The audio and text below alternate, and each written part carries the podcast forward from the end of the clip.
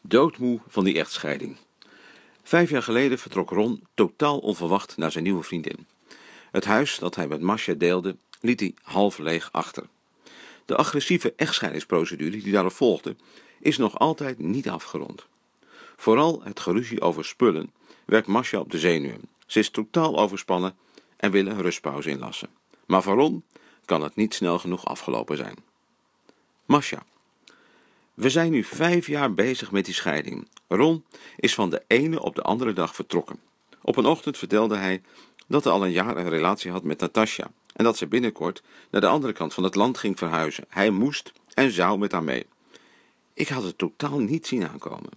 En toen ik een week later thuis kwam van de crash, had hij een halve huis leeggehaald. Daar zat ik dan met twee kleine kinderen op het tapijt in de woonkamer. Hij had alle stoelen meegenomen. De tv was weg en de geluidsinstallatie, ook spullen die we van mijn ouders hadden gekregen, had hij meegenomen. Ik was razend. We zijn nog steeds aan het onderhandelen over die spullen. Hij geeft geen duimbreedte toe, maar ik ook niet. Mijn vriendinnen zeggen dat ik hem zijn zin moet geven, dat ik door moet met mijn leven en dat ik ook aan de kinderen moet denken. Ja, nou nog mooier. Hij heeft ze in de steek gelaten en door hem hebben ze geen tv meer. Maar de situatie werkt me wel op mijn zenuwen. Ik doe s'nachts geen oog meer dicht. En laatst heb ik mijn zoon een tik gegeven, gewoon omdat hij zo zeurde. Zo ver is het dus al gekomen. Het liefst zou ik die hele echtscheidingsprocedure even stopzetten, om tot rust te komen. En te bedenken wat ik nou eigenlijk echt wil. Maar Ron wil er niets van horen. Hij blijft maar doordrammen. En wat zegt Ron? Na de geboorte van onze jongste heeft Masha zich helemaal op de kinderen gestort. Ik kwam er niet meer tussen. Alles wat ik voorstelde was fout. En ik liep alleen maar in de weg. Begrijp me goed, ik hou heel veel van mijn kinderen en ik probeer om een relatie met ze op te bouwen. Maar Masha bepaalt alles. Alles wat die kids aangaat.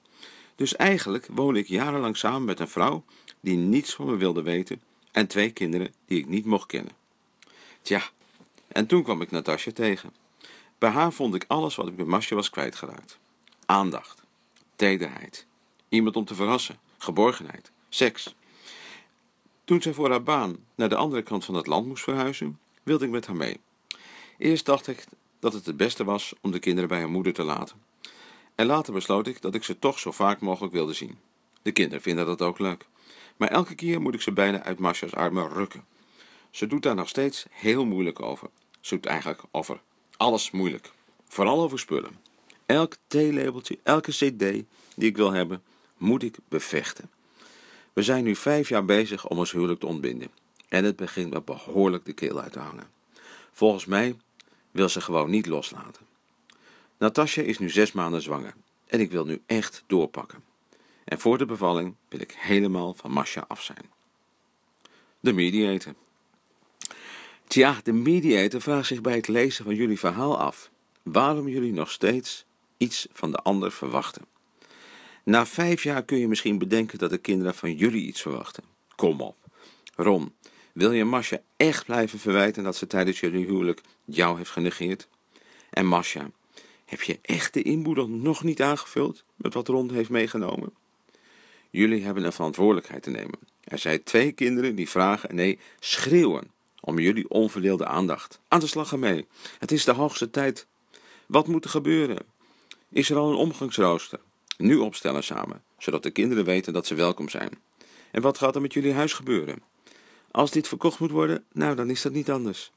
De kinderen hebben er recht op om zonder stress grootgebracht te worden. Tenminste, zonder stress lukt natuurlijk niet helemaal, maar waar je het kunt voorkomen, ben je dat als ouder verplicht.